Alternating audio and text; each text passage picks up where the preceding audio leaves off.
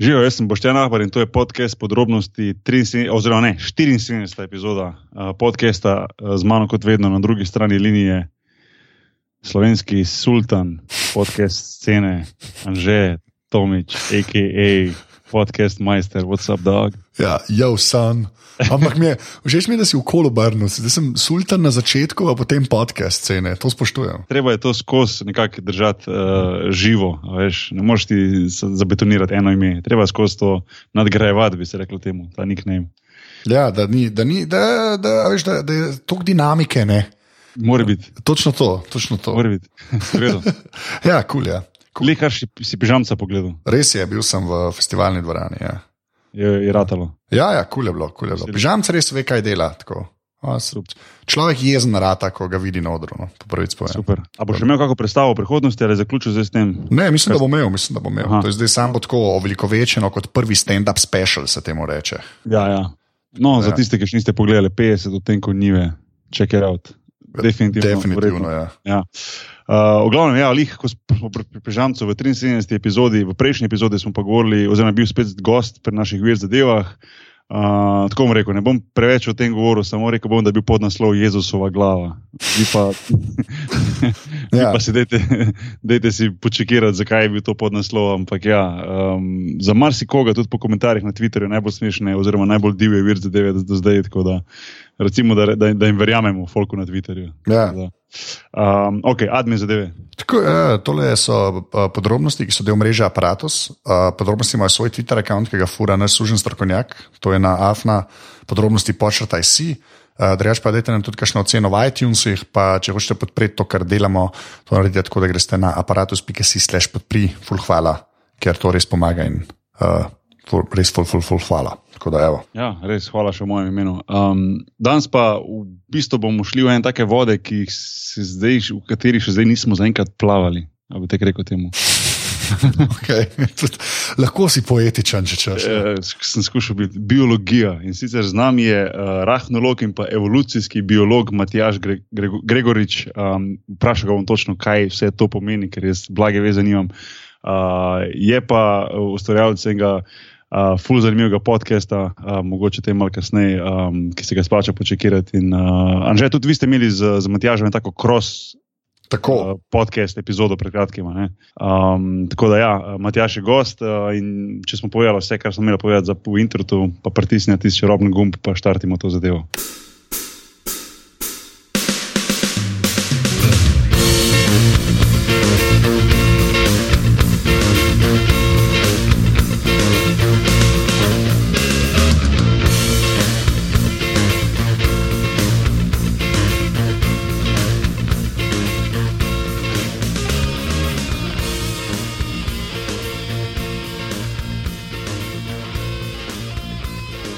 Ok, uh, Matjaš, se slišmo? Ja, zdravo. Evo, uh, vedno je lažje, ko, ko imamo na, na, na tretji strani enega podcasterja, a ne že. Res je. Takrat je. To je, to je. Meni je to vedno mana, se temu reče. ja. Ker, mi, ker vem, da bom pač dobil nek normalen posnetek.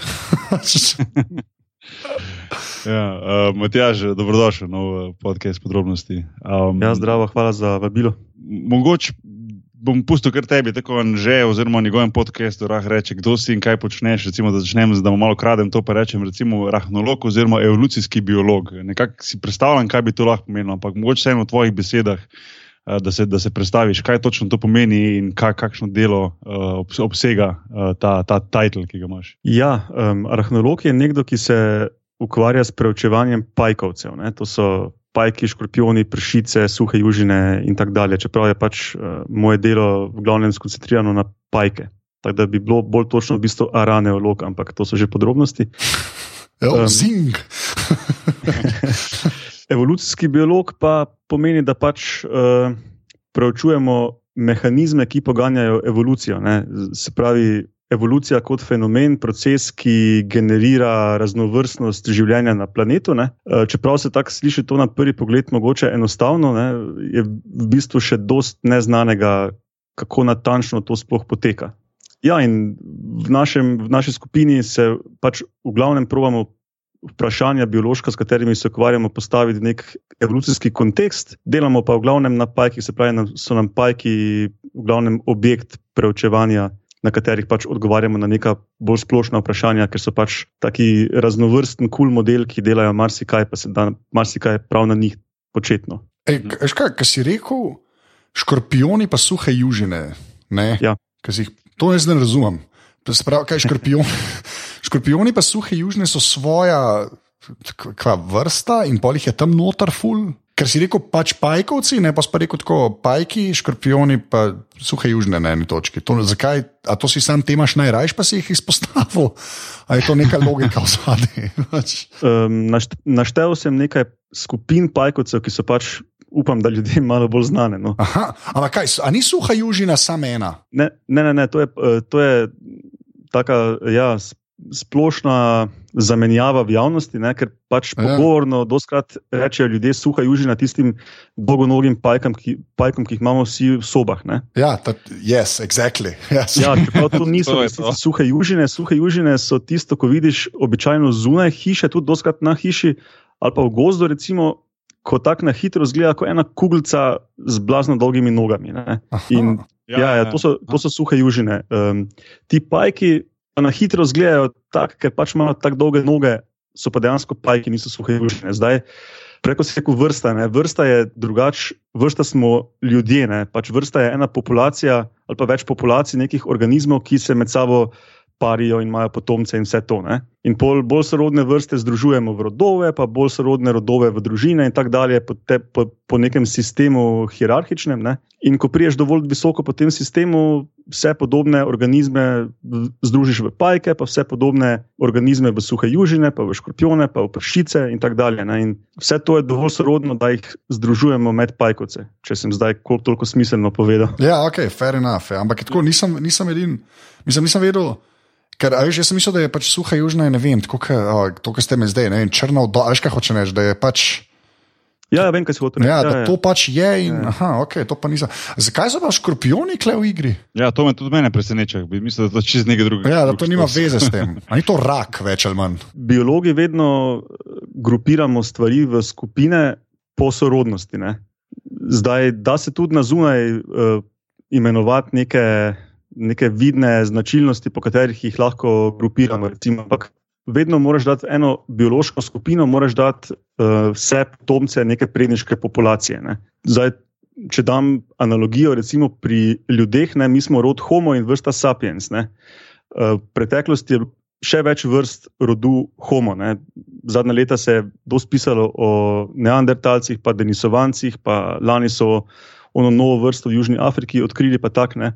To, da so vse te vrste človečnjakov, recimo v rodu Homo, pomeni, da so vse, da vse izhajajo iz neke predniške, iz ene same predniške populacije, nekje daleč v preteklosti, ne vem, dva pa pol milijona let na, na, nazaj. Recimo, um, in, in čist identično združujemo vse živo na tem planetu v skupine po tem principu sorodnosti. Ne. Recimo, te skupine, ki sem jih naštel, ne, pajki, škorpioni, suhe južine in tako dalje, so si med sabo bolj sorodne, kot so si pa sorodne, recimo z žuželkami, paraki in tako dalje. A, okay. um, na vides bi pa lahko rekel, recimo, tako zelo najbolj vidna lastnost žuželke imajo šest nog, pajkoci imajo osem nog. Samo škorpion ima osem nog. Ja, osem nog, pa What? tiste. Ja, ja. ja. Koliko pa ti misliš, da ima? Ne, šest, meni se šest bolj prosliš. Se to čisto na pamet govori. Če, če, glav, če, če, če, če zaprem oči, pa če si predstavljam škorpiona, jih vidim osem. Sam nema se kleše, še šteje zraven ali ne. Ne, klešče se ne šteje. No, točno to, jaz sem rekel šest nog, pa klešče. Tako si jaz to predstavljam. Se tudi pajki imajo na glavi neke okončine, ki se ne štejejo, vsem zraven. Recimo, uh, pri, pri škorpionih so pač preurejene v klešče in podobno je tudi pri suhih južinah. Tudi suhe južine imajo osem nog, pa tudi take kleščice, zelo kratke, sicer ko jih je težko s prostim očesom včasih videti. Ne. okay, uh, to me zanima, čist osebno, zakaj tebe, recimo, pajki tako zanimajo? No? Zakaj, jih, zakaj jih ta vrsta živali? Pajkovci, no. poki, prosim. No. Pajko, prosim, pajkovci, dajmo strokovno sklemal furat. Predstavljaj se, da veš. Ja, mislim, res. okay. um, no, no. Ja, v bistvu mogoče najprej povem, da obstajata nekako dve skrajnosti biologov. Ne. Eni so tisti, ki jih v štartu zanima neka skupina, recimo mene, pajko, pajki ali pa pajkoci, uh, pa drugi, ki jih zanima neka tematika. Ne. Ali bi to bila evolucijska biologija, ali vedenje, ali neka filogeografija, karkoli že. Um, no, in jaz sem bolj ta prva skupina, se pravi, sem imel prvo interes po, po nekih teh malih um, živalih, slabo poznanih, kar se že vleče od osnovne šole. Pa ne vem, z dobro, odkje je to prišlo. Pač že vedno od malih nog me je to zanimalo. Pač misteriozno mi je bilo, ne? ker če pač gledaš tigra po televiziji, o tigru že vse vemo. Pač ena velika, simpatična mačka. Ne? Jaz sem pa pred blokom gledal te male žužke in nisem vedel nič o tem, in tudi starši mi niso mogli nič o tem povedati. In potem sem to domov nosil in kozarce za vlaganje dajo in hotel samo opazovati, in tako se je začelo že vem, na nižji stopni osnovne šole. V bistvu, ja, zanimivo je, v bistvu, to je res ena od tistih takih stvari, ko si v bistvu že z malega ven vlečeš, da, si, da, da te to zanima. Da ni to kasneje prišlo, veš. Uh, to, to zanimanje za, za, za to, kar počneš. V bistvu. kar je, to je vedno meni zanimivo slišati, pa lepo slišati, no, da nekdo ima že iz malih nog v eno zanimanje za eno stvar, pa potem to razvije, da na koncu lahko, če se mu posreči, tudi uh, kasneje dela, življenje, da ima službo, veš, da lahko, oziroma poklici, da se lahko ukvarja s tem, kar kar ga v bistvu zanimalo, že z malih nog. No. To mi to je to vedno lepo slišati. No. Ja, ja, se potem, da sem pa dejansko pristal kot pajkolog, ne, pa tudi uh, spletna ključa. Konec koncev sem pač potem kot študent uh, spoznal zdajšnjega šefa, bivšega mentorja pri diplomski in doktorski nalogi. Uh, um, ki se je ravno s Pajki ukvarjal in me je nekako potegnil noč. Če bi recimo, se kdo ukvarjal z škorpioni, bi mogoče šel v to smer ali pa z mravljami ali kaj takšnega. Ko se, ko, se, ko se pogovarjamo o Pajkih, ne moreš, saj jaz ne morem, pa verjetno marsikdo ne more mimo tega. Da, Da ne pomisli na tisto najhujše, ne, se, mislim, najhujše pač na, na dve velike, strupene pajke, ki jih vidimo v filmih ali na televiziji, ali boh ne da, da je v živo. Um, ja, boh ne daj. Ja. Um, v, bom pa še predtem vprašal, koliko pa poznamo različnih pajkov, oziroma pajkovcev, koliko, vrst danes poznamo na svetu uh, in, in koliko je tu še neodkritega. Ker prej si rekel, v bistvu, da če govorimo o tigrih, to so pač veliko vemo že v njih, oziroma skoraj vse poznamo jih, to je ena taka zelo.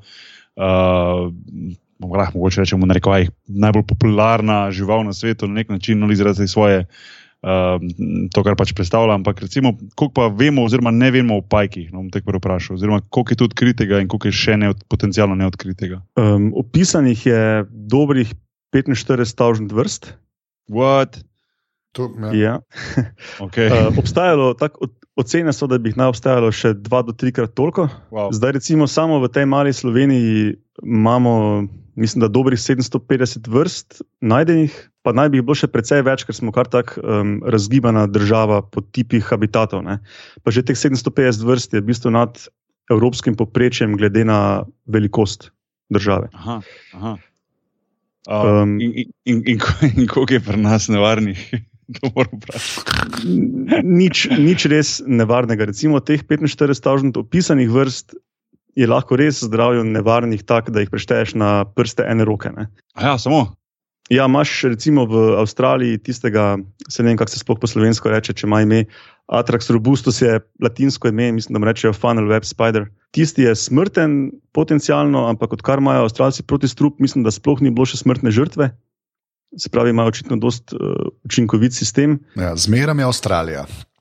ja, Zmeraj je. Da, Imamo 17 tisoč vrst živali, ampak v Avstraliji obstaja ena. ja, tam je ja. vedno. Tam je, ja, ja zgleda, ne, ti zgleda, zdaj sem prvi na netu, ja, ta funnel mm. web spider. Ja. Mislim, sej, ne da so drugi kaj lepši, ampak ta je res tak filmski. Um. Ja, ja. No, pa če so v Braziliji pajki klateži, oziroma eni to tudi prevajajo v potujoči pajek, rečejo temu Wandering Spider. Zakaj, zakaj ima tak nik name? Mislim, kaj posebnega. To nisem siguren, mogoče zato, ker je pač okoli njih fama, da se razširja v pošiljkah banan in take fore. Aha. Čeprav se izkaže, da to v tem večinoma niso ti pajki ne, da, in da tudi večinoma živijo stran od plantaž.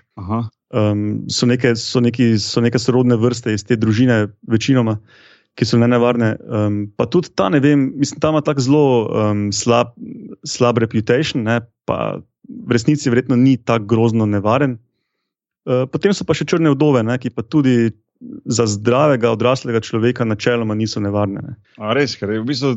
Mislim, zanimivo, da to rečeš, zato ker res sem skozi predstavljal, da to je pa to. Če ti pa enkrat uh, ugrizne črna dova, ne smem reči, da te piči, to sem slišal z vašega podcasta, vendar treba reči, da te ugrizne. Min grede, meta, metamorfoza je podcast, bomo pol malo, malo besedo o tem rekli. Um, ampak sem vedno predstavljal, da v bistvu, če je to, pa je to konc. Pa je to ali bolnica v roku petih minut, ali pa dio, če ni proti strupu. Ja, se tudi, um, če te ugrizne modras ali pa gat, ni take panike. Ne? Mislim, ne boš užival, ampak ne boš pa umrl. Ne? Ja, ja. Ej, pa to, ampak tako. Pač, ki um, si rekel, pač ta evolucijski biolog, samo to, naprej gremo naprej. To jaz bi nekaj kle vprašal. Ja. Um, kaj, je, mislim, kaj to je v smislu, kaj pa pol biolog ali pa kakšen drug? Veš, kaj hoče reči? Ker mi ni, ni mi jasno, zakaj moraš to specificirati. Ker če itak delaš z živalmi, zakaj je to posebno pod Zdaj rekel, že spet pod zvrst, zdaj sem zvrsti, bom očitno danes razlagal.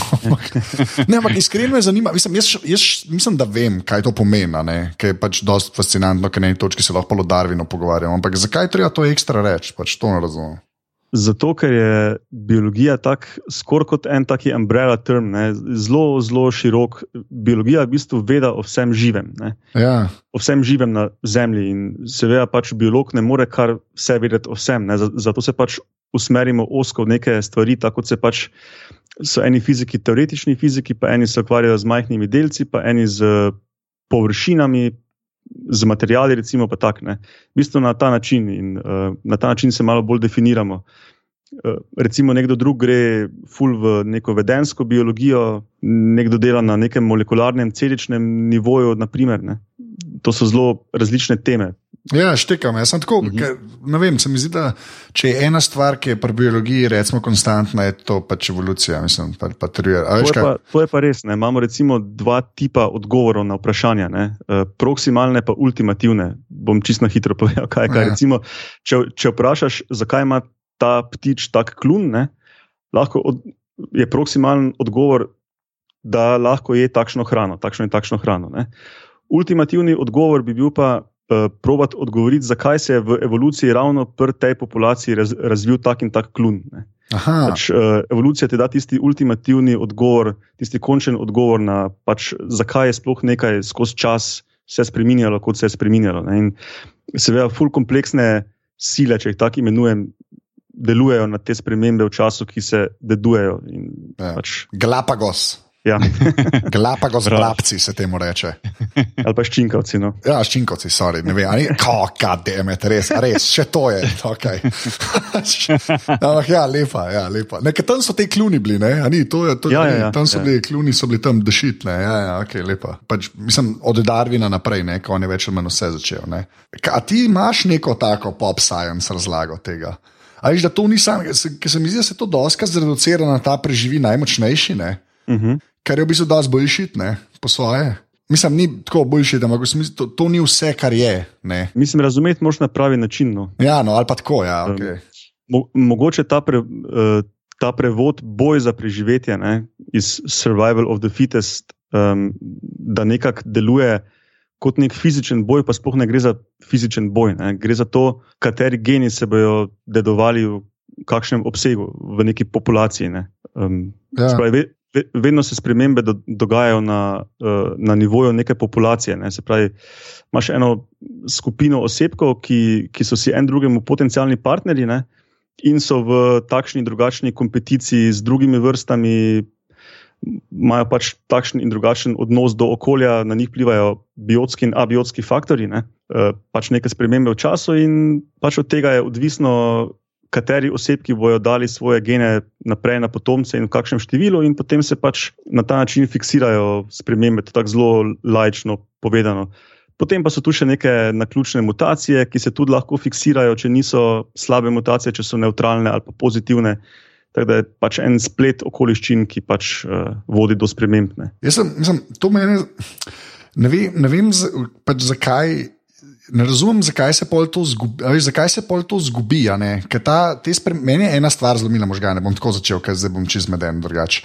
Ampak ekosistemi. Uh Uh -huh. Jaz sem pač gledal moj heroj Adam Curtis, ne, en človek, ki dela za BBC dokumentarce. Je na eni točki naredil pač en dokumentarc, v enem delu se pač obada z ekosistemi. Ne. Pač on to tako predstavlja, da ekosistemi v bistvu ne obstajajo v smislu tega nekega ravnovesja. Ne. A veš, pač v smislu, da če ti imaš ne vem, tam neko, neko mlako, kjer nekaj živali pijejo, ene noč živijo in se jejo, mora vse biti točno tako.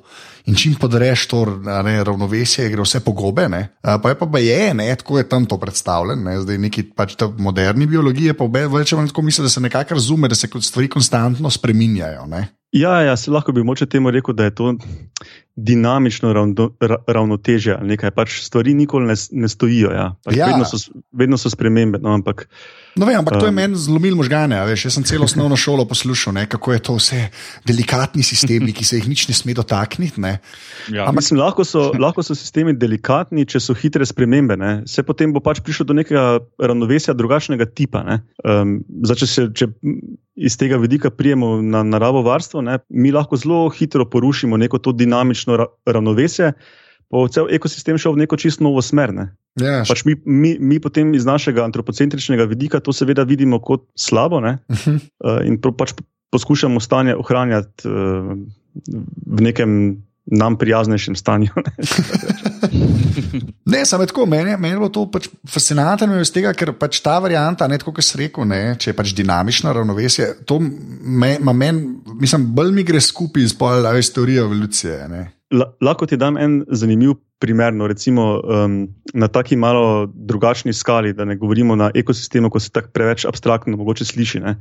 En taki šolski primer, ko verjetno tudi v, učbenikih si predstavljam tega nekega dinamičnega ravnovesja, je razmerje plen-plenilec. ne. Uh, če si zdaj tako predstavljaš, da pač nek plenilec lovi plen ne, in uh, boljši osebki te plenilske vrste, da imajo več potomcev, se pravi, ta neka populacija plenilcev postaja vedno boljša, vedno boljša, vedno boljša. Ne? Ja. Hkrati je pa tudi pritisk na plenu, da se čim bolj izogiba plenilcev. ne. Eh, Se pravi, tisti osebki v, plen, v populaciji plena, ki se boljše izogibajo, imajo potomce, se pravi, tudi populacija plena se vedno boljše izogiba plenilcu skozi čas. Ne? In to imenujemo oboroževalna tekma ne? med, med uh, takima dvema vrstama. Ne? In uh, to tudi niha, če bi na nek graf dal, uh, potem enkrat je plenilec prednosti, potem je plen prednosti, če tako malo laično rečeš. Ne? Aha, štekam. Ja. Um, ma, uh, ma to tudi en drug izraz, ki, je, ki ti bo mogoče zanimiv, Anže, um, to je hipoteza rdeče kraljice iz Alice in Wonderland. Okay. Um, ker, so, ker je bila ena scena, ko, ko teče ona in se ji tla premikajo v nasprotno smer. Ne? In izjavi, mislim, da, uh, da bolj hitro, ko teče, bolj hitro se ji tla premikajo v isto smer in vedno na istem mestu. Ne? Uh, ne, Nekako tak si lahko predstavljaš, mogoče to tekmo med plenilcem in plenom. Ne? Pač en proti drugemu se blazno hitro prilagajata, ampak ostajata v tem nekem dinamičnem ravnovesju ne? Skozi čas. Ja, ok, štekam. Ja, ka un pač, bolj kot en potegne, ta drug v kontrast. Mislim, ja, ok, To, razumem. tako, ja. točno tako je. Ja, ja, štekam. Ja, lepa, ok. No, in, in takih tekem je ogromno v, v nekem ekosistemu, ne? Na nivoju medvrstnih interakcij, pa tudi recimo na nivoju borbe med spoloma v eni sami vrsti. A, ok, lepa. No, zdaj, zdaj pa recimo, če govoriš o, o, govoril o evoluciji, oziroma ekosistem, pa tako pa to ravnovesje, pa vse to pa ta, hier- mislim, tako da milina, tako je Anže rekel, ko so, ko so te, Anže tebe napačno učili v osnovni šoli, zgleda. Očitno. Očitno. uh, Pomej sprije človek in se zjebe. Um, koliko je, mislim, ogromno se je govorilo o tem, prav gotovo upravičeno, uh, koliko je človek v zadnjem stoletju recimo, naredil škode, um, tudi pri ekosistemih. Pri tem, um, koliko se upravičeno o tem govori, oziroma tebe, kot recimo biologa, bom vprašal, se, se dovolj govori o tem, premalo se ljudje zavedajo tega, kaj človek počne. Uh, koliko je sploh ta škoda, ki jo, ki jo povzročamo. Ker v bistvu danes, če pogledaš, ne vem, dokumentarce ali pa po internetu, kaj pogledaš, pa tako konstantno najdeš stvari, ki, ki govorijo o tem. ne. Um, uh, Koliko koliko se imamo, koliko se imamo za, za batno, da, da se to totalno zjebe in tako, tako ravnovesje, pa tako sožitje, ki ga je že povedal, ali smo ga že čist obrnili na glavo, kot, kot ljudje mislim. No. Ja, zdaj je že tak znanstveni konsens, da, smo, da lahko upravičeno rečemo, da smo stopili v to, ta novo geološko dobo antropocen, se pravi, da, sem, da smo že mi začeli oziroma smo že povzročili začetek novega množičnega izumiranja. Ne. Absolutno bomo imeli, mislim, ni, jaz mislim, da nimamo um, ten, tega nekega samozavedanja in tehnologije na dovolj visoki ravni, da bi kmalo to ustavili, ta trend. Um, zdaj planet bo seveda obstajal naprej, ne. mi bomo pač lahko malo manj uživali v. Svetu okoli sebe, ne? ampak ja, ne vem, pa, če se pa premalo ali preveč govori. Jaz mislim, da se kar ja. dovolj govori, ker vse vsi o tem vejo. Ne? Ampak um, kako pa to spremeniti iz obdobja naslonjača v nas v razvitem svetu, pa ne vem. Ne? Um, veš, kako kak prisiliti ljudi, da bi nekaj spremenili. Hkrati nas pa je toliko ogromno na svetu, da je tudi težko. Um, vzdrževati neko raven obdobja za čim več ljudi na svetu, pa hkrati ne uničevati okolja pri tehnologiji, ki jo imamo. Tako da je to tudi naravovarstveniki ne moremo ali pa ne morejo, jaz nisem niti toliko v tem, ne morejo kar reči, ne more biti nobenih posegov v okolje, ker moš pač najti neko, nek kompromis med tem, kaj ljudje potrebujemo, pa da narediš čim manj škode na okolju. Istočasno. Ja, ja, no, to se tudi sprašujem, tega, ker tudi, recimo, kjer jaz živim, tu na jugu Španije, poznam primer, ki ljudje recimo, ogromno govorijo o tem. Um, recimo, tu je Tule je v bistvu sploh ta, eh, se pravi, jug Andalusije, oziroma ta eh, res ta južni del, se pravi, bom rekel, Kadiz, mesta Kadiz, Brbate, um, Tarifa, pa potem vse tja do Malega. Uh, tu so zelo znana, recimo, pristanišča, kjer je ogromno, ogromno, ogromno ribičev živi, um, družine ribiške, ki so. Imajo um, ta zelo, zelo z nekim ponosom imajo to tradicijo tukaj, da že, da že vrsto let um, lovijo predvsem tuno. Če greš na internet pogledat, pa pogledaš recimo lovljenje tun v tem delu Španije, je ogromno posnetega materiala na tem. Jaz to nisem vedel, dokler mi je en prijatelj tu malo predstavil lani uh, to zadevo. In se mi je zdelo predvsem zanimivo, ko je rekel, da, um, da so pred ne vem koliko leti um, dovolili recimo Japoncem. Um, se lahko najde ta povezava med Tuno in Sušijem, pa Japonci. Pa tako, Ampak tudi Japonci, da v bistvu lovijo tukaj, se pravi, Japonci pridejo sem z, z svojimi ladjami in masovno lovijo Tuno, ker Tuna, ko, gre, ko pride iz Atlantika proti um, Sredozemskemu morju, ko gre skozi ta. Um, To pri, pri Gibraltarju skozi Žino, uh, je v bistvu ena taka regija, kjer se lahko to lovi ogromno število masa, masa tuna. Uh, in, in sicer moj prijatelj, ki mi je to razlagal, eh, ki živi v teh krajih, eh, ni, ni biolog, ni, ni nek znanstvenik, oziroma ni specialist za te zadeve, ampak je rekel, da je prišlo tako daleč to lovljenje tu, da čeprav so se v preteklosti lahko z lahkoto. Uh, kljub masovnemu lovljenju uh, tu, da so se lahko razmnoževali in vsako leto znova um, zapolnili te dva primankljaj, da se zdaj prvič, po ne vem, pač prvič, prvič, mislim, pozna ta primankljaj. Se pravi, da je v bistvu vsako leto manj, manj tun, da je tok polovljenih. Zaradi tega sem, sem, rekel, sem se rekel, da bom vprašal, ker to je v bistvu ena od takih stvari, kjer, kjer človek direktno poseže v neko. Um, nek ekosistem, oziroma eno tako um, stvar, ki verjetno obstaja že ne vem koliko, deset ali pa sto tisoč, pa še več leta, da v bistvu se, se, se tu naseli iz enega morja oziroma iz enega dela planeta na drugega. Uh, zato se mi je zdelo tako zanimivo te vprašati, to je tvoj pogled na to. No. Um, Ja, mislim, verjetno v Sloveniji direktno kakšne take stvari ne poznamo, da bi bili, se počutili lahko krive za to, da smo, da smo mi pri kakšni živalski vrsti direktno vplivali na koga. Ali, ali se motim? Mislim, sigurno smo, ne pač toliko, cel svet pač prispeva k nekim um, spremembam na globalnem nivoju. Um, uh -huh. Sej je cela srednja Evropa, recimo, uničila primarni gost. Vse, vse ja. kar danes vidiš po srednji Evropi, je praktično sekundarni gost, spravi, kar smo mi nasadili, pa vzdržujemo tako, kot je nam všeč. Ne? Potem imaš pa zaplate nekih primarnih gozdov, kot je pri nas Krokar, recimo, ali pa ki je eno od večjih, mislim, da imajo Poljaki naj, največjega. In to je to.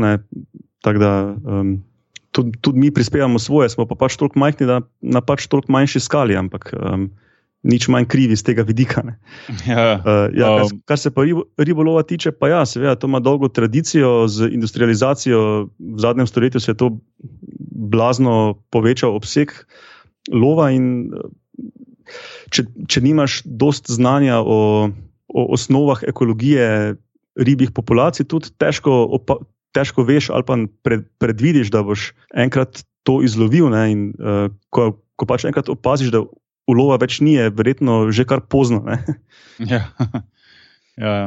Um, no, no, zdaj, ko smo se jih malo dotaknili, spet Slovenije, uh, nazaj. Mene zanima, recimo, um, čisto tako, uh, videl sem, recimo, da ste med, med uh, vsemi tvojimi, oziroma vašimi podcasti, uh, ki, jih je, ki jih je res veliko, mislim, zdaj je že čez 30, si rekel, ne, pa da so v bistvu vsi vsak po svoje zanimiv. Uh, Eden je bil, recimo, o klopih. Um, in pri nas je vedno, recimo, toliko in toliko govora, vsako leto se mi zdi, ko prežgeš malo malo televizijo, pa tako opozarjajo, opozarjajo na to, um, koliko so to nevarnosti, koliko se še lahko dogaja, kaj lahko človek stori proti temu. Recimo, meni je to vedno, uh, se spomnim iz otroških uh, let, ko sem bil mali, uh, vedno, ko smo se ogromno preigrali zunaj na travnikih, pa po gozdovih. Pa tako, uh, vsak dan do enega, ne vem, kjer ga leta, ampak uh,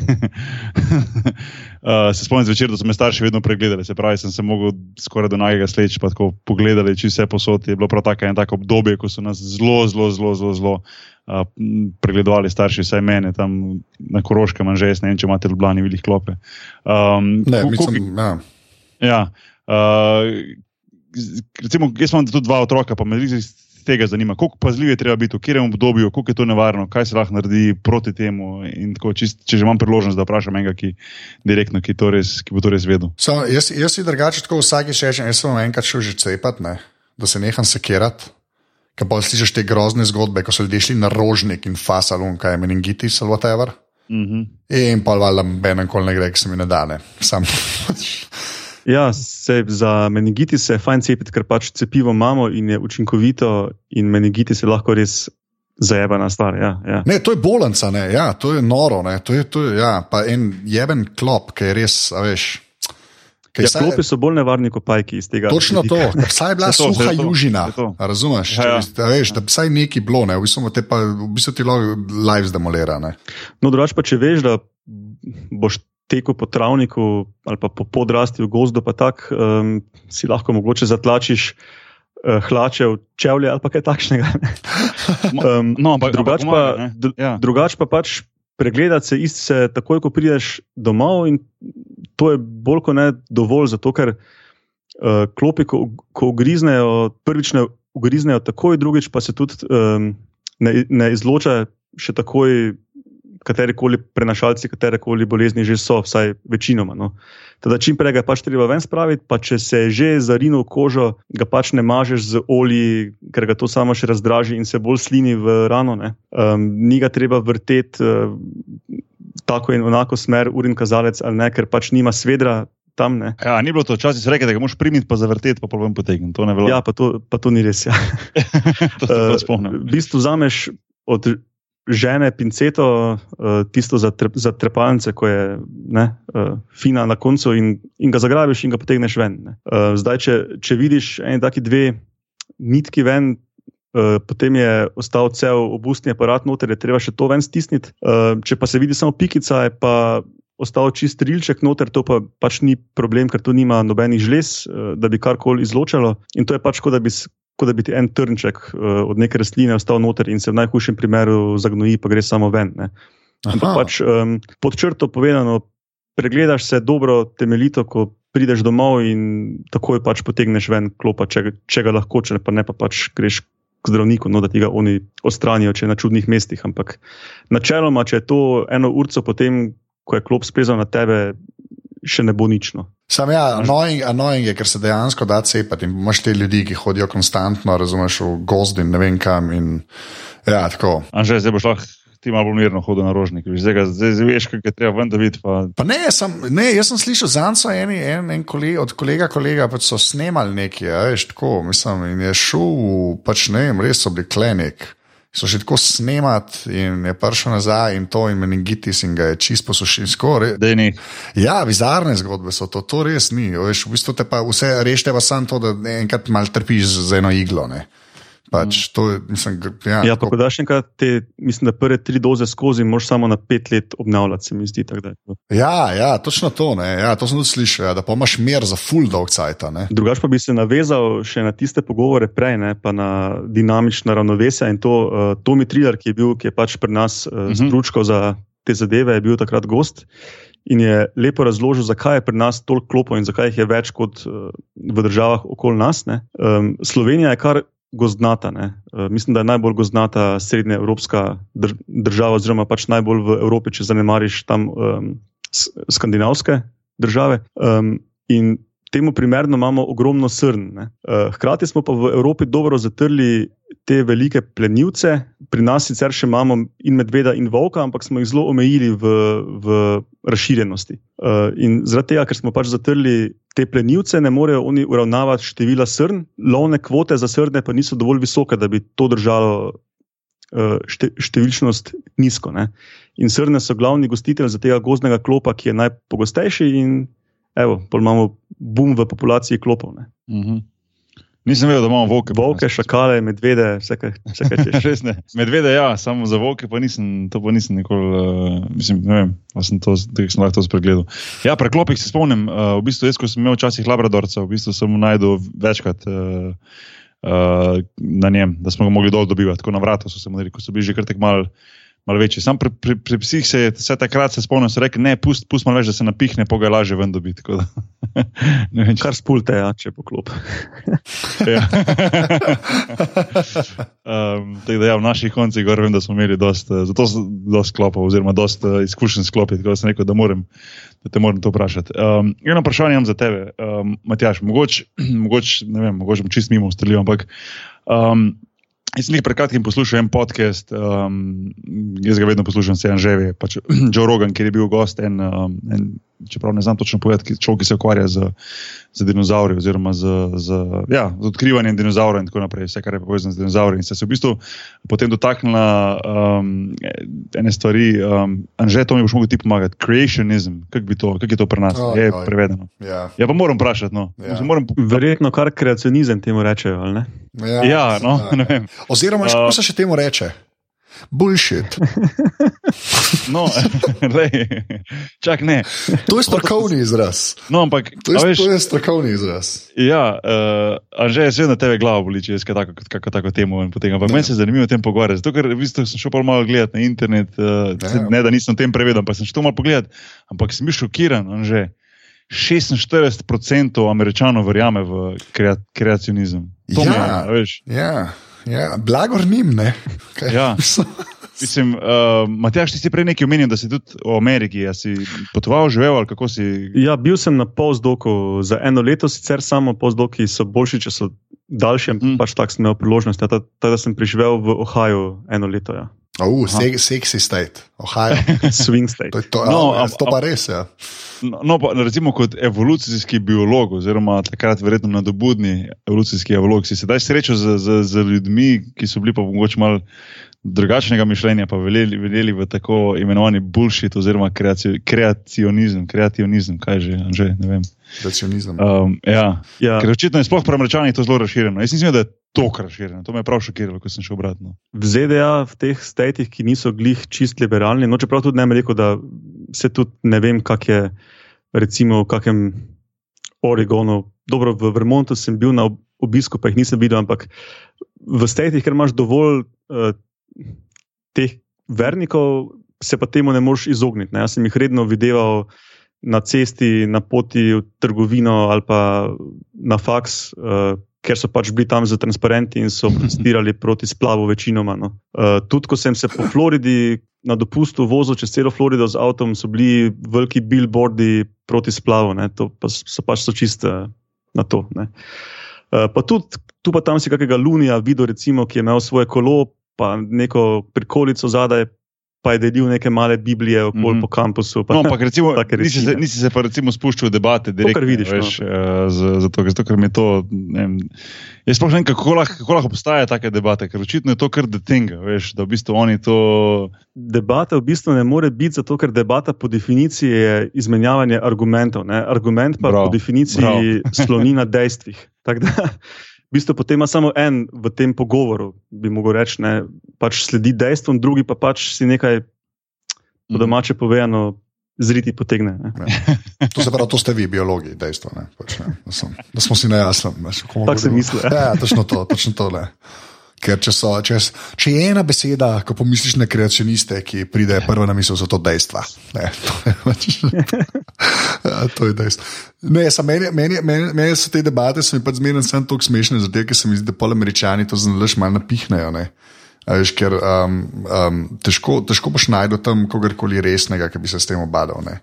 Pač, kar se splošne populacije tiče, to je drugo. Ampak da bi se šli, da bi se pa kdorkoli šel neke resne pogovore, pa se pa to kaj misliš, dogaja. No. Glede česa? Ker je to res toliko. Pa se v bistvu tudi imajo. No. Um, mislim, da je, kar, ja. da je v Teksasu nastala ja. neka. Ja, un, un, mor, ja. un moron, vse ja. točno vem, un z bradico. Vem, ne, ne, ne, ampak v Teksasu imajo prav sedež neki, eh, neko združenje ateistov, ki ima že kar nekaj let svoj televizijski šov. Pa kao promovirajo to, ker pač v Ameriki je to neka stvar, da ja, ti rečeš, jaz sem pa ja. ateist, ne? to ni kar tak. Ja. Tako da pač očitno oni potem tudi potrebujejo neke take skupine, ki pač uh, pomagajo ateistom, ki pridejo ven z omare in priznajo, da so ateisti in take reči, ko so nam čistuje, recimo tukaj. Že sem ti si enega drugega omenil, ti si omenil tisti, ki je nekem svoj rančo naredil, prav da svoj. Ja, mozaj. Ja, ja, ja. ja un model je grozno. Ja, ne, bomo pro, ne bomo promovirali imena. Ja, to. točno to sploh bo. Mi je že žal, da sem rekel bradica. Mislim, da že to je dosti. Pač. Ja, že... ne, res. Ja. Ne, pa sam hilarično je to. No? Pač res ni, kje ni druge besede. Res. Hilarično, to, to, ja. to moramo začeti uporabljati. Ja, prosim. Pri toliko absurdnih zadevah je treba. Ja.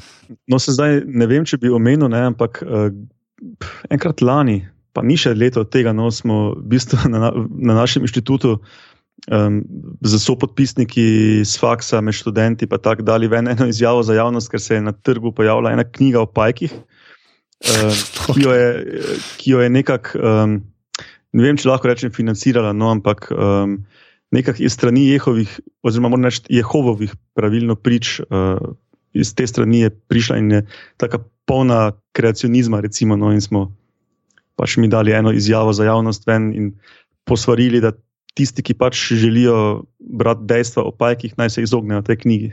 A res, ali kaj? A, gani, a, je, meni je to v bistvu to glupo, da je sploh treba, da ti izjaviš. Mislim, to meni. Oh. Vse smo en ja, čas sam... mislili, če bi dali ali ne, pa smo se potem vseeno na koncu odločili, da damo to izjavo ven, čeprav pač nočemo nobenemu reči, da ta knjiga ne sme obstajati. Konec koncev ima vsak eh, pravico, da napiše knjigo, pa jo objavi. Ne? Ja, itak je. Ja. Pač opozorili smo to, da to ni glih neko strokovno delo, no, čist tak. Noč na robe, če me vprašaš. Za to potezo mislim.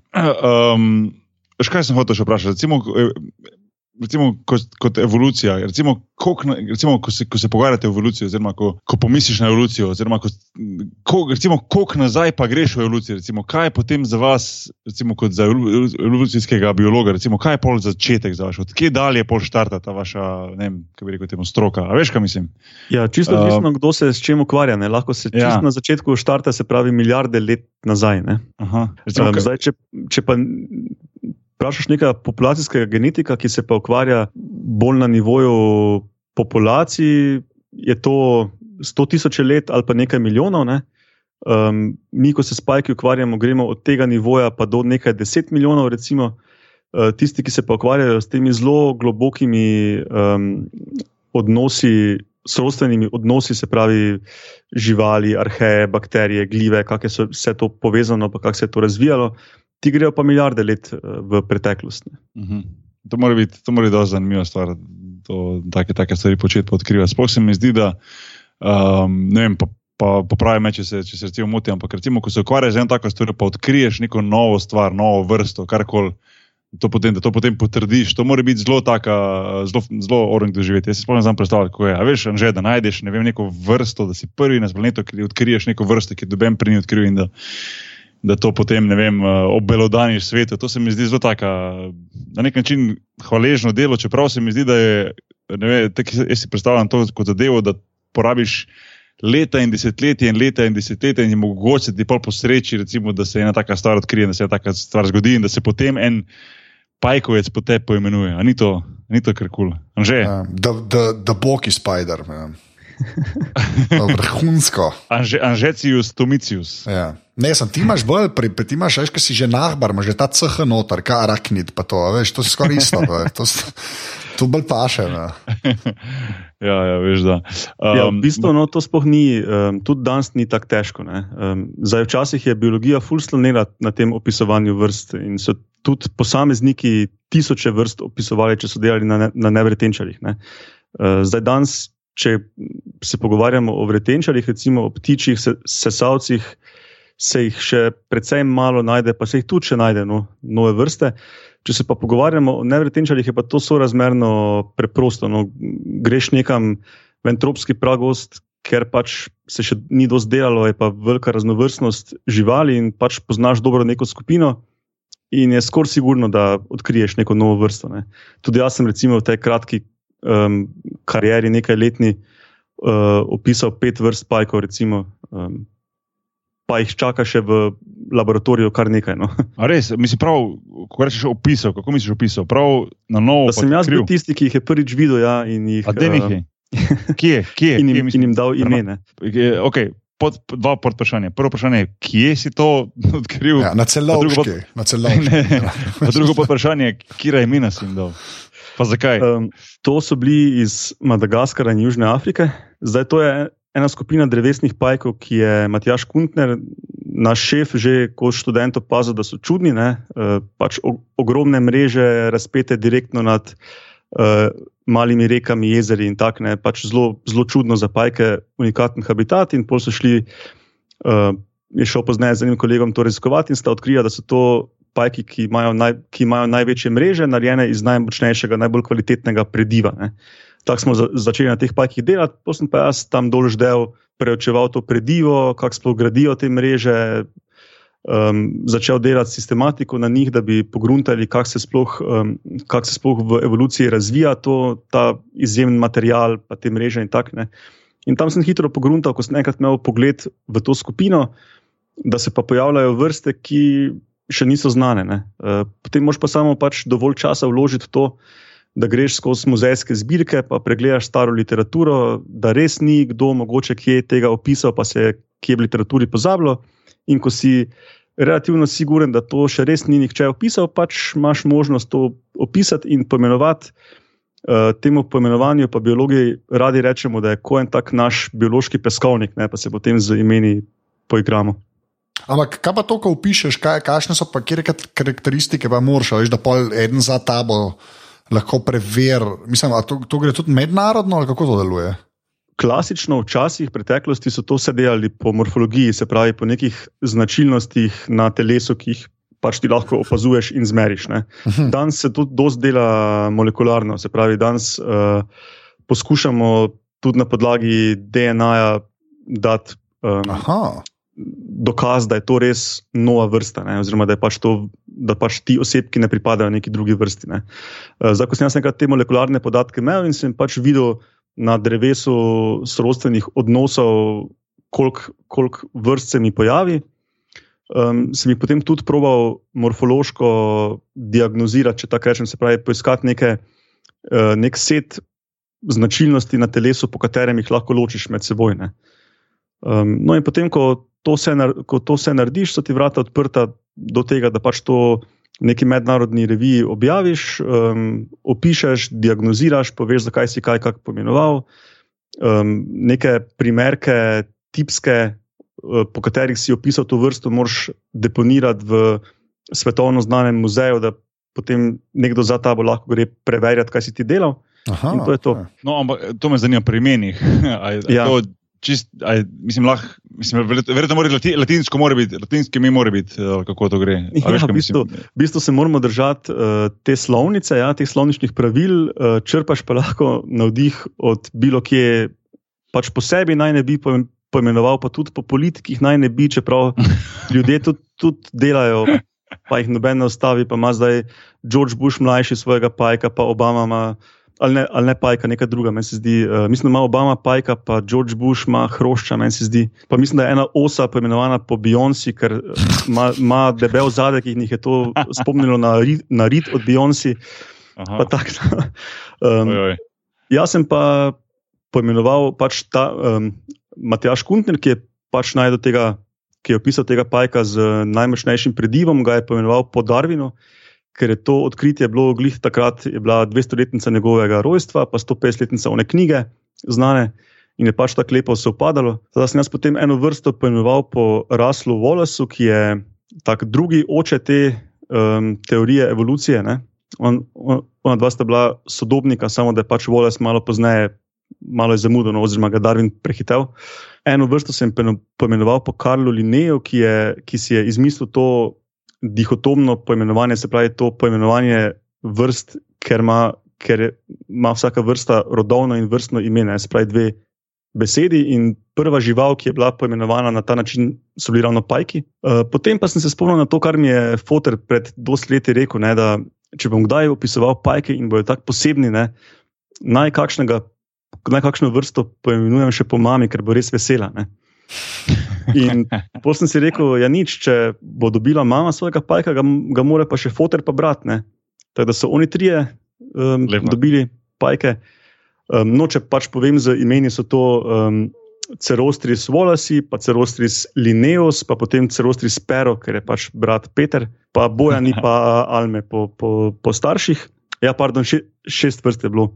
Uh, potem pa mi je še ena ostala in sem razmišljal, kaj pa bi dal tej, ta zadnji. Ne? In je ena kolegica predlagala, zakaj pa ne potini maze, in se mi je to zdela dobra ideja, in zdaj ima tudi Tina maze svojega pajka. Ne? Lepo. Ej, uh, priporočam se, tako da.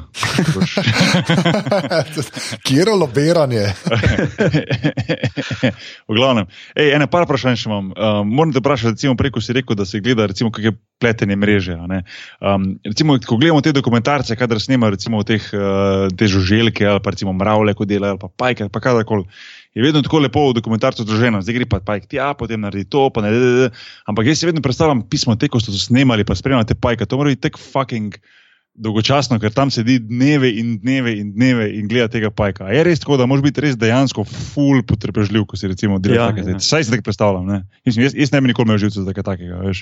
Se, kar se snemanja tiče, um, je dober primer ta BBC-jeva nova serija The Hunt, uh, kot tudi David Attenborough. Um, uh, to sem videl. Ja, ja. Ja, ja. Zdaj, ne vem, če je že pri nas, da bo to pri nas prišlo. Jaz sem to nekako pač si moral predčasno pogledati. um, in tam na, na koncu vsake epizode pokažejo, kako so to snemali. In pač vidiš, da tam ždijo dneve in tedne, čakajo na the perfect shot. Ne. Uh, zdaj pri biologiji ni čist tako dolgočasno, je pa tudi. Ne. Jaz, ko sem pač um, tam sedel, sem dva tedna, cele dneve pač sedel pred tistim jezerom. In ko se je nekaj začelo dogajati, sem skočil in stisnil na kameri na, na rekord in proval videti čim več stvari. Uh, zdaj imel sem to srečo, da, bilo, da so bili ti pajki dovolj številni, da sem jih v dveh tednih videl tam okoli sto, uh, ki so delali mrežo in sem pač potem lahko rekel, da imam nekako dovolj podatkov, da vem, kaj se dogaja. Če pa bi to bili neki redki pajki, bi pa to verjetno sporadično čez več let zbiral te podatke. Jo, to, pa, to pa je. Ja. Um, moram te to še vprašati. Uh, mi mi, mi le govorimo o pajkih in si rekel, da sicer jih ni ne vem koliko nevarnih, ampak si predstavljam, da si ti recimo pa v okolju, kjer pa znajo tudi ostale živali malo mal nevarne. Si bil kdaj že v situaciji, recimo, da, da, da je bilo, vem, da si bil blizu kakšne druge živali, ki bi bila, bila zdravju nevarna. A veš, kaj mislim, kača, ne vem, tako sem prej škorpion, ne vem, karkoli takega. Ja. Ali pa volk, recimo. Če smo že. A je bilo, a je bilo že kaj takega, ali si zaenkrat. Uh, da bi jaz bil prav v resni nevarnosti, ne? ker smo pač se vedno gibali po pameti. Okay. Ampak, um, ja, v Maleziji recimo, sem srečal nad svojo glavo um, enega gada, ki pač živi v krošnjah. Uh, To je že eno tisto, ki smo govorili v prejšnjih glavah, da, ima, da vidi toploto. Ah, yes, predatorji. Torej. Ja, to je bilo recimo ene, dva metra nad, nad našimi glavami, ampak seveda tista kača ne bo kar skočila dol na nas, ne, uh, ker uglej, ni, nismo mi nek plen, da bi tam gad kar pikiral dol na našo glavo. Ne, smo ga poslikali, pa, š, pa šli dalje. Ne. Potem recimo. V Južni Afriki smo se seveda mogli izogibati krokodilov in nilskih konjev, oziroma povodnih konjev, moram reči. Ja. Um, pa smo recimo videli te po, povodne konje tako zelo blizu. No, um, en meter od avta se je šetal smo ga pa slikali skozi okno ven. Ne. Sem neverjetno, neverjetno, mislim, koliko so nevarni. Ne? Mislim, Ja, ja, je, ja, ja. uh, Človek bi mislil tako, veš, veš, ko vedno gledaš te risanke, pa so te nilski konji. pa Tako, tak, vedno se, tek, se mi zdi, da je tako simpatično predstavljena ta žival v svetu, v modernem svetu. Ja, to so odkar so bili Hungry, Hungry Hippos. Mislim, da pa vsi mislijo, da so v bistvu čisto ok. Ne? Ja, ampak so pa ene najbolj nevarnih živali na svetu. Ne? Mislim, največ smrtnih žrtev na leto, mislim, da je med top 5 ali top 10, sem zadnjič videl. ne. Ja, Ja, mislim, da če zanemariš komarje, da so kar top. Ja. Ja, ja strašno. Um, ja, no, in tam smo delali v, eni, v enem malem mestecu, kjer so se pač po noči pridejo iz vode in se, in se pasajo, in se seveda šetajo po cestah med uh, hišami, tudi kdaj pridejo komu v bazen pred hišo in tako. ne. Da je nekaj, ošite. Oh, wow. Ja. No, drugač pa, drugač pa ko, ko delamo terene v tropih, se moramo pa tudi dosti paziti opic. ne. Uh, ponekod so opice problem in tudi um, lahko imajo steklino, recimo pa tak. tak da, uh, vem, da je recimo Matjaš Kunter, ki sem ga zdaj že parkrat omenil, se je mogel enkrat braniti z, z tripodom od fotoaparata, se, se je boril z neko, z neko opico, ki ga je napadla. Wow. Um, ja, jaz sem imel, recimo, lani poleti smo šli z družino tudi do Gibraltarja pogledat, ker je, ker je pa zelo blizu um, in je bilo ogromno opic, tiste, ne vem točno katera vrsta. pa tako. Je bilo dosti zanimivo videti, koliko, uh, koliko so že navajeni. Recimo, ker to sem zdaj prvič doživel te opice, ki se kar nekako pomešajo s folkom, veš. In, in, in jih oh, ni strah, so v bistvu na- čist, čist zraven tebe, skačejo po avtih, gor pa ne vem, pridete jih zraven. In, Uh, sem, sem, sem prvič to živel, ampak nisem pa pomislil na to, ko si rekel, na steklino, v bistvu, da so lahko nevarne tudi z tega, z tega vidika. No. Um, čeprav Gibraltarju, je, kot nam je pravil tisti gospod, tam so vsi, so markirani, um, točno vejo za vsako, pa tako cepljeni, karkoli že, ker so Mhm. pač del tistega turizma tam. Ampak vseeno no, zanimivo videti, jaz sem prvič to doživel, nis, nisem pa jih lih tiko. No. So pa bile zelo na, zelo na izi, tako um, Anže to lahko tudi kasneje zbrišeš, če bo malo preveč. Ampak tako, ena je tako na pol metra od nas, turistov sedela pa opica, oziroma tip je bil pa tako, si ga je lagano, si ga je žlajfal. a veš. Ž- Mislim, da žlajfov lahko not pustim. okay. Ja. Tako je bilo atrakcija turistična, mislim, da so ga vsi slikali. Ja.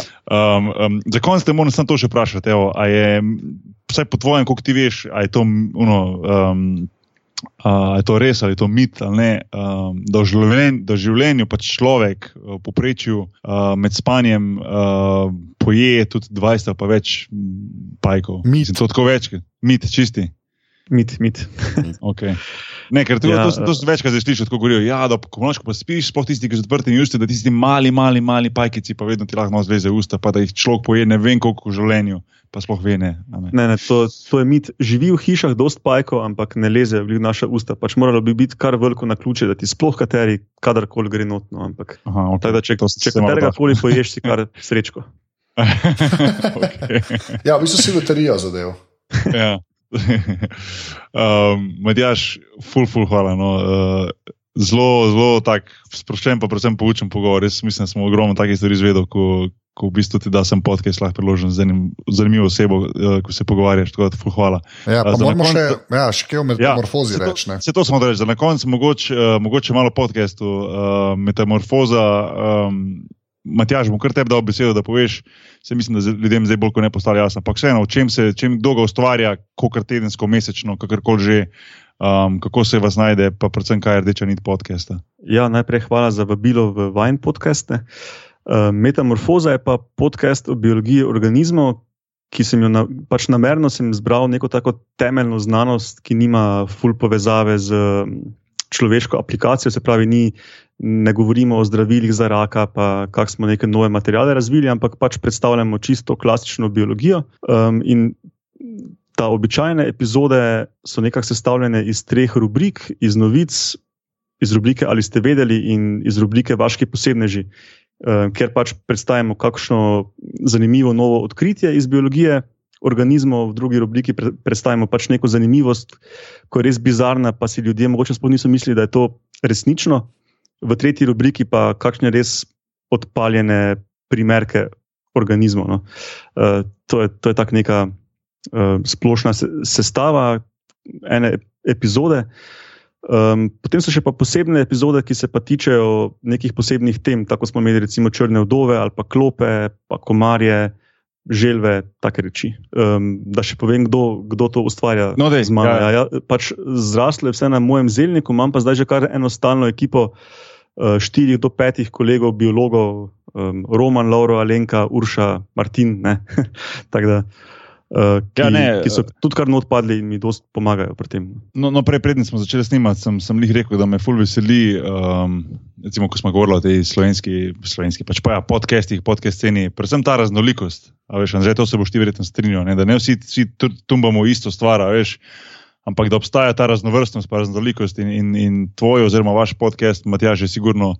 Uh, se mi zdi, da, da daje to širino, veš, slovenski podcast sceni. Tako da še naprej delite to, kar se mi zdi, da da uživate v tem, kar delate, in to je, to je lepo videti. No, da, da, da, da je tudi na podcast valovih um, so, so take teme, oziroma take stvari, kot jih vidite. Tako da tu thumbs up, bi rekli, kolegi američani. Ja. Uh, kje, kje, se, kje se pa tebe najde, Matjaš, na, na netu, Twitter? Na Twitterju pod Matjaš Gregorič, uh, drugač hashtag metamorfoza na Twitterju ali pa e-mail metamorfoza afnametina.si. To je pa bolj kot netono. Na, te, cool. na teh kanalih odgovarjam, tako da me zihar dobijo. Super, uh, Matjaš, res, res hvala. Ja, um, a, hvala tudi vama za povabilo. Ej, z veseljem, super je bilo res. Um, Anže, da se še ti zaključi z našimi admi zadevami. Ja. Uh, tole je podcast podrobnosti, ki je del mreže Apparatus, tam je še ne par podcastov. Tako da, če greste na aparatus.com, jih tam vidite. Imamo tudi uh, Twitter račun, uh, afna podrobnosti, počrtaj si, pa aparatus je na Facebooku. Pa v iTunesih smo tako, da je kakšno ceno, drugač pa tako kot vedno, full hvala vsem, ki ste že podprli aparat, spomnim, ki ga še boste, ker brez vas tega ne bi šli več. To pa naredite tako, da greste na aparatus.com slash podpri, boki, ki si ti na internetu. Ja, big thanks v mojem imenu. Jaz sem pa Boki Nahvar na Twitterju, Instagramu, kaj še imam, Snapchat, WeChat, kitajski. ja, ja, ja. Uh, ja, no. jaz sem pa NZT posod, uh, Twitter, Snapchat, Instagram. In WeChat. Okay. No, na WeChatu še nisem, ne, ampak ok. Stari, to je next big thing. Ja. Zdaj, ko bo, bo Twitter šel v K, razumeš, bo to. Bo to, to. To si ne pove, da bo Twitter šel po gobe. To, to Twitter bo šel po gobe, to jaz napovedujem in se bo uresničilo, tako kot Blackberry. WeChat, stari WeChat. Ja, okay. ja. Poglavnem, to je to. Ja. Že, reč, uh, reč srečno. Neč srečno. Čau. Čau. Srečno. Čau.